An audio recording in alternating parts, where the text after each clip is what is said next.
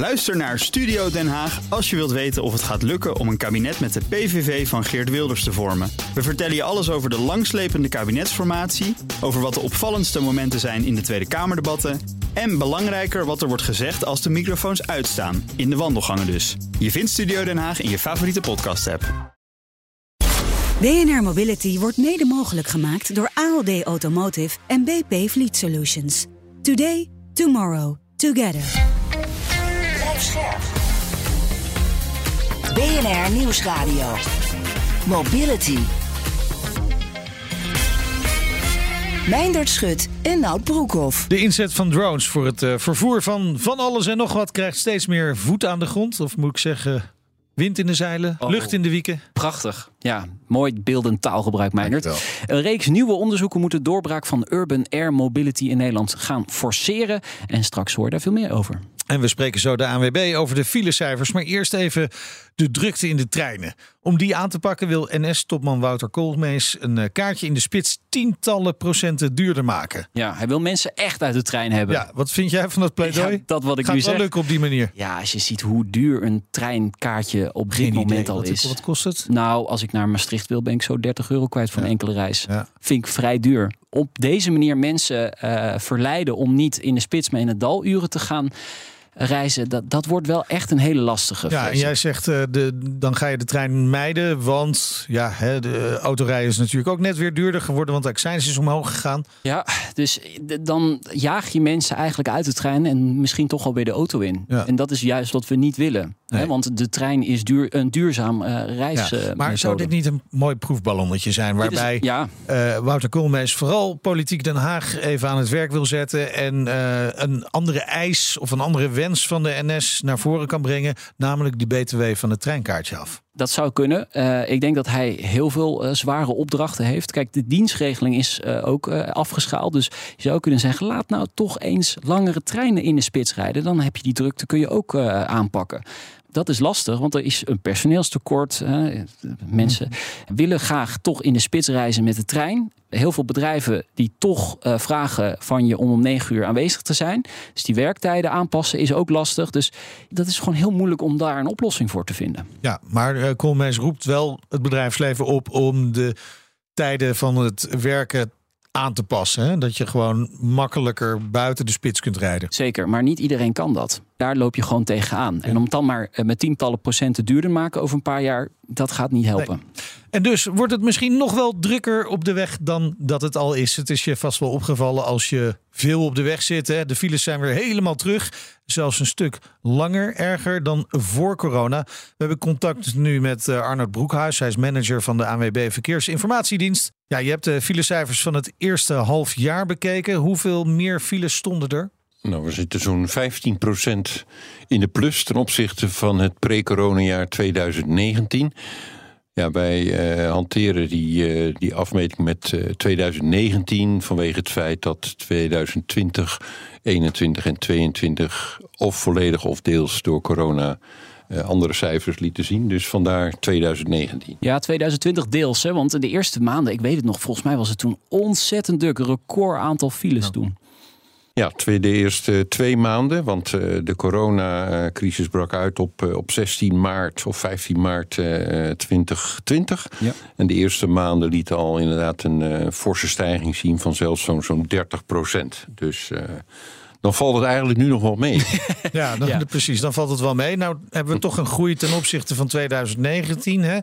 Eh, heeft dat nou ook te maken deels met corona? Want we zijn ook massaal auto's gaan kopen, occasions gaan kopen, omdat we niet meer in het openbaar vervoer konden. Ja, dat hebben we inderdaad ge- gezien. Eh, het OV dat werd eh, gemeden en men, eh, men kocht een eh, tweedehands auto. Dat heeft de AWB ook wel gezien in de, in de verkoopcijfers eh, bij de dealers.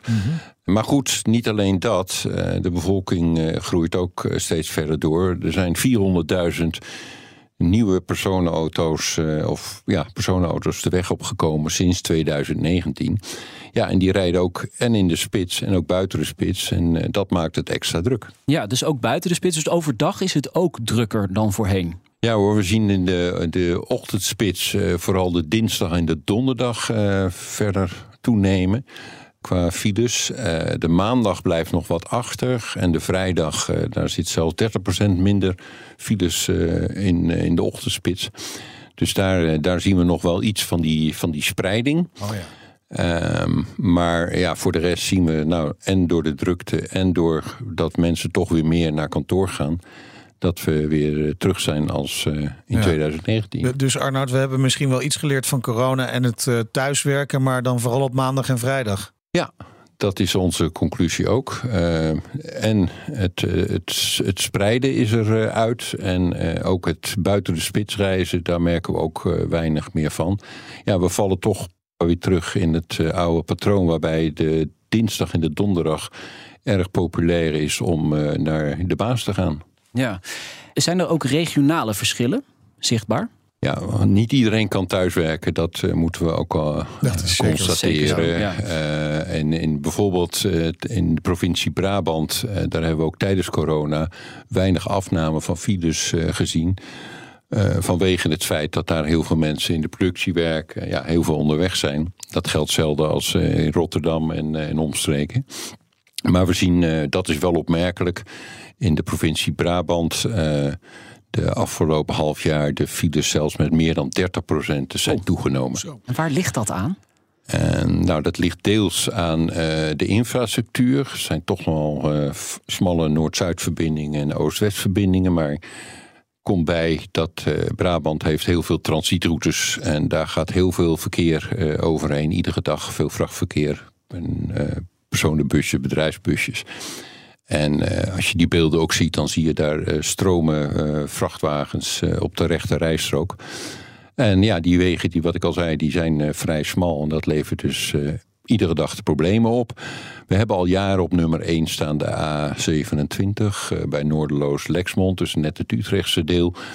Maar we zien ook nu aan de zuidkant vanuit Breda naar Utrecht. Daar, die komt met stip op nummer 2 binnen. Dus dat zegt wel genoeg. En verder zijn daar de, de populaire eh, transietroutes, de A58 Breda, Eindhoven en de A67 Eindhoven, Venlo. eh, ja, die staan ook weer in de top 10. Ja, nou zijn er op heel wat trajecten de werkzaamheden die gepland waren, die zijn uitgesteld hè, vanwege de stikstofproblematiek. Dat gaat ongetwijfeld voor nog meer overlast zorgen. Ja, de nieuwe wegen die, eh, die, die kunnen voorlopig niet worden aangelegd, die verbreding. Maar de werkzaamheden die, eh, ja, die gaan in volle gang, of die zijn eigenlijk al in volle gang. Het onderhoud. Denk aan de, ja, het onderhoud, denk aan de Heinenoordtunnel, denk nu aan de Haringvlietbrug. En ja, daar komen er nog wel de komende aan, jaren een aantal bij. En eh, ja, dat is toch wel lastig, want die, ja, die intensiteit op Nederlandse wegen is zo immens hoog. Er hoeft maar iets eh, te worden afgesloten en op de eh, alternatieve route staan direct files. Ja. Zijn deze cijfers van die aard dat, dat er een soort noodklok, alarmbel geluid moet worden? Of is het nog niet zo erg? Nee hoor, dat, dat doen we niet. Eh, we, we waarschuwen de hele dag, eh, zeker via jullie eh, zender. Ja, jullie hebben flink wat werk te doen, ja. Precies. En ja, daar moeten mensen mee doen. En die moeten constant die informatie in de gaten houden. En nee, het is nog niet zo dramatisch dat we zouden zeggen van... nou, we moeten nu maar andere dingen gaan verzinnen. Het is een feit en we blijven graag mobiel. En dan zijn dit de consequenties Ja, van. maar die informatie is wel belangrijk hè? en die kan ook wel sturend werken. Want we hebben natuurlijk gezien met de boerenprotesten die aangekondigd waren eh, afgelopen week, dat het ook echt in die regio rond Den Haag een stuk rustiger was. Ja, goed dat je dat zegt. Dat viel ons ook op. Van, eh, er waren dus acties aangekondigd dat eh, agrariërs naar Den Haag zouden komen, wel of niet met een, met een tractor. En we zagen de ochtendspits van afgelopen donderdag zagen we toch fors eh, slinken met zo'n bijna zo'n 40 procent. Dus dat was wel heel opmerkelijk. Dat geeft dus wel aan dat eh, toch een eh, groot aantal mensen toch een alternatief hebben om dan op dat moment wel thuis te werken. Over die alternatieven gesproken, hè? want als alternatief wordt vaak ook wel het onderliggend wegennet gebruikt. De Als je dan toch over spreiding hebt, dan kun je misschien ook op die manier spreiden. Maar merk je al dat de drukte daar ook al echt fors aan het toe- toenemen is? Ja, die verzadiging die, die zien we eigenlijk wel dagelijks. Want zelfs eh, de drukte op het onderliggend wegennet is de afgelopen half jaar zelfs eh, ja, verdubbeld ten opzichte van het eh, probleem op het hoofdwegennet. Dus op het onderliggend wegennet ontstaan ook steeds meer files. Dus een alternatief is dat niet. Maar ja, voordat mensen op een snelweg zijn, moeten ze vaak eerst over het onderliggend wegennet. Ja, dat klopt. Wat zijn nou de vooruitzichten voor de rest van het jaar? Nou ja, ik verwacht eh, toch nog eh, verder een, een, een toename eh, als ik het zie in de, in de ochtend- en avondspits. Goed, we gaan nu gelukkig de, de rustige zomerperiode in. Dat wil zeggen rustig in de spits dan. Maar ja, vanaf half september, oktober verwacht ik toch wel weer spitsen. En tegenwoordig zijn spitsen van 500, 600 kilometer geen uitzondering meer. Terwijl die vroeger alleen maar voorkwamen als het bij slechte weersomstandigheden zoals regen of gladheid. Nee, precies. Maar dat komt er natuurlijk wel aan, die herfst en de winter. Dat, dat meestal hè, blaadjes op de weg. Oeh. eh, Eerder remmen. en dan gaat het, eh, staat het sneller eh, stil. Eh, Natuurlijk komt nu de eerste zomervakantie precies. eraan, hè, even de zomer. Ja, ja. Dan wil je natuurlijk lekker graag doorrijden naar met name de zuidelijke landen. Gaat dat een beetje goed komen, Arnoud, deze zomer? Nou, de ANWB verwacht eh, toch nog wel nog meer eh, vakantieverkeer en eh, vakantiegangers die met de auto onderweg gaan. En ja, de Duitsers verwachten het, de Oostenrijkers, de Fransen. Dat worden toch wel hele drukke zaterdagen vanaf zeg maar half juli tot half augustus. Dat is de top. Natuurlijk hadden de advies probeer die zaterdag te mijden. Maar we begrijpen ook dat heel veel mensen hebben geboekt van zaterdag tot zaterdag. Dus die moeten dan op die zaterdag reizen. En dan is wel ons tip eigenlijk, eh, mocht je op die zaterdag reizen, ga dan wat later weg. Ga niet midden in de nacht rijden, want dan kom je elkaar allemaal tegen rond 12 uur. Of bij München, of bij Lyon, of bij Salzburg. Dus je kunt beter wat later vertrekken. Dus zeg maar een uur of 9, 10 in de ochtend. Dan rij je voor het grootste deel achter de grote groep aan. Kom je misschien wat later aan, maar heb je toch wel heel wat files gemist. Ja, of je mijt gewoon Duitsland. Want eh, volgens mij wordt het daar echt erg. Als ik de berichten goed eh, lees. Duitsland staat traditioneel bekend om, eh, om haar bouwstellen. Ja. En eh, we hadden zo- zo'n duizend vorig jaar. En dat is nu opgelopen tot meer dan 1300. Oh. Dus eh, je moet daar eh, wel op letten. Maar ook daar dat land. geldt, Nee, nee. Nou ja, ze doen ook in ieder geval geldt eh, ja, buiten probeer in ieder geval die, die topdruk te, te mijden. En eh, een paar uurtjes later weg te gaan. Dat scheelt toch. Dankjewel Arnoud. Een gewaarschuwd mens telt voor twee. Arnoud Broekhuis, manager van de ANWB Verkeersinformatiedienst. BNR Mobility. Met een reeks nieuwe onderzoeken wilde Antea Group en de Dutch Drone Delta de toepassing van drones als mobiliteitsoplossing een boost geven in Nederland. Roel Brandt is projectmanager Drones en Urban Air Mobility bij advies- en ingenieursbureau Antea Group. Welkom in de uitzending. Goeiedag. Ja, jullie trappen af in Dordrecht bij het Albert Schweitzer ziekenhuis. Wat, wat gaat er gebeuren? Ja, dat klopt. We, hebben, eh, we vliegen hier met een eh, drone met medische goederen van het magazijn van het ziekenhuis eh, naar het ziekenhuis zelf. En tijdens die vluchten doen wij onderzoek eigenlijk vooral naar twee vragen. Vraag 1 is, wat heeft het ziekenhuis hieraan als je, dit, als je dit, deze drone hiervoor gebruikt? En anderzijds kijken we naar wat voor effecten heeft dit op de fysieke leefomgeving als je bezorgvluchten met een drone uitvoert. Ja, want wat verwachten jullie dat het ziekenhuis eraan heeft? Nou, we verwachten dat voor eh, bepaalde logistieke ritten. eh, dus dan moet je echt denken aan eh, spoedgevallen met kleine, kleine pakketjes. ehm, dat die snel gebracht moeten worden. Dat gebeurt nu nog veel met, met auto's. En in, in bepaalde gevallen kan een drone daar een, een interessant alternatief zijn. En nou, op termijn zou dat wellicht ook kunnen met bijvoorbeeld met bloedsamples. Een eh, alternatief, een sneller alternatief. Nou, het, het kan op sommige routes kan het inderdaad eh, sneller zijn. eh, omdat je met een drone een directere verbinding kan maken Ja. door de lucht. Ehm, nou, en daarmee kan het, kan het sneller zijn. Ja. Welke hobbels moeten jullie nemen om dit ook echt mogelijk te maken? Nou, er zit beweging op, op de regelgeving. En op dit moment moet de drone nog in het, in het zicht blijven van de piloot. Dus dat is natuurlijk iets wat, wat opgelost moet worden. Nou, daar, daar wordt ook hard aan gewerkt. Ehm, qua techniek kunnen de drones natuurlijk nog eh, verder en, eh, en, en stabieler worden. Nou, ook die ontwikkeling eh, zie je. Maar nou, ik geloof heel erg dat dit soort dingen pas ook echt verder komen als het ook sociaal wordt omarmd door, door de maatschappij. Dus wat, wat vinden we hier nou eigenlijk met elkaar van?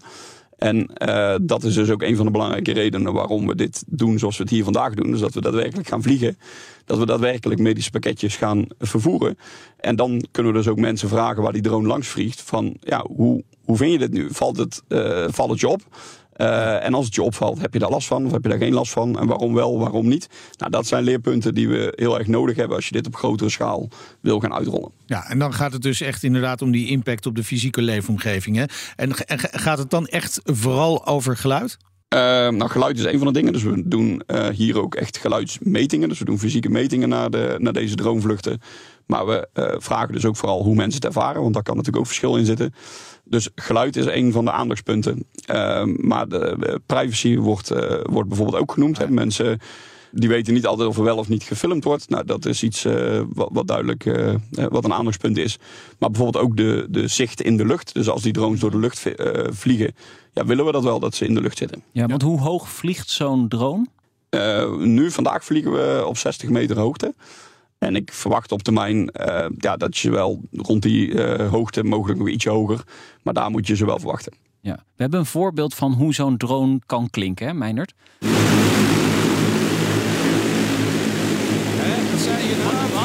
Ja. Nee. Nee, dit, dit, zie ik echt totaal niet zitten. nee. Maar, maar eh, even voor, voor uh, de realiteitscheck. Hè. Jullie vliegen op 60 meter hoogte, zeg je dat net. Wat, wat betekent dat voor het geluid? Want het is wel zo, hoe hoger een drone vliegt, hoe minder last je ervan hebt in principe. Qua geluid. Ja, zeker. Ja, het geluidsfragment van net uh, zat je volgens mij echt uh, in de propeller.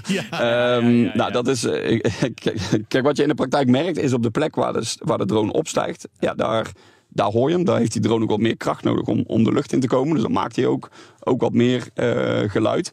Maar vervolgens, wanneer die op hoogte zit, um, ja, dan, dan zie je eigenlijk dat dat geluid gewoon een heel stuk minder wordt. En um, als hij op 60 meter voorbij vliegt, dan uh, kan je hem wel horen. Maar als er al wat meer achtergrondgeluid is, dan hoor je hem al veel minder. En dat zien we dus ook, dat mensen het ook heel beperkt opvalt. Dus je ziet ook, los van de mensen die we bevragen, maar je ziet ook mensen kijken. En sommigen die kijken omhoog, dus die zien hem uh, of die horen hem. Um, uh, maar er zijn ook heel veel mensen die lopen eigenlijk gewoon door met wat ze aan het doen zijn. En die hebben die merken hem dus niet op. Nou, dat is ook waarom ik praktijktesten heel erg belangrijk vind in dit soort zaken. Want we kunnen, uh, we kunnen meten, we kunnen mensen vragen van wat vind je lastig aan drones. Maar ja, ga het echt uitproberen op een goede manier. En kijk dan wat er gebeurt. Nou, ja. Dat is precies wat we hier doen. Ja, die mensen die doorlopen, die hebben natuurlijk van die oortjes in en luisteren ondertussen de podcast van BNR Mobility. hè? Dat, uh, ja, dat is goed mogelijk. Ja, zeker, ja, dat viel me wel op dat heel veel mensen dat wel antwoorden. Ja, ja, ja, ja precies. Ja. dat is een goed antwoord voor je. Nee, het kan dus uh, sneller met een drone. Maar is het ook betrouwbaarder? Zeker met zo'n ziekenhuis. Ik kan me voorstellen dat je dat wel echt zeker wil weten dat dat pakketje aankomt bij diegene die het moet krijgen.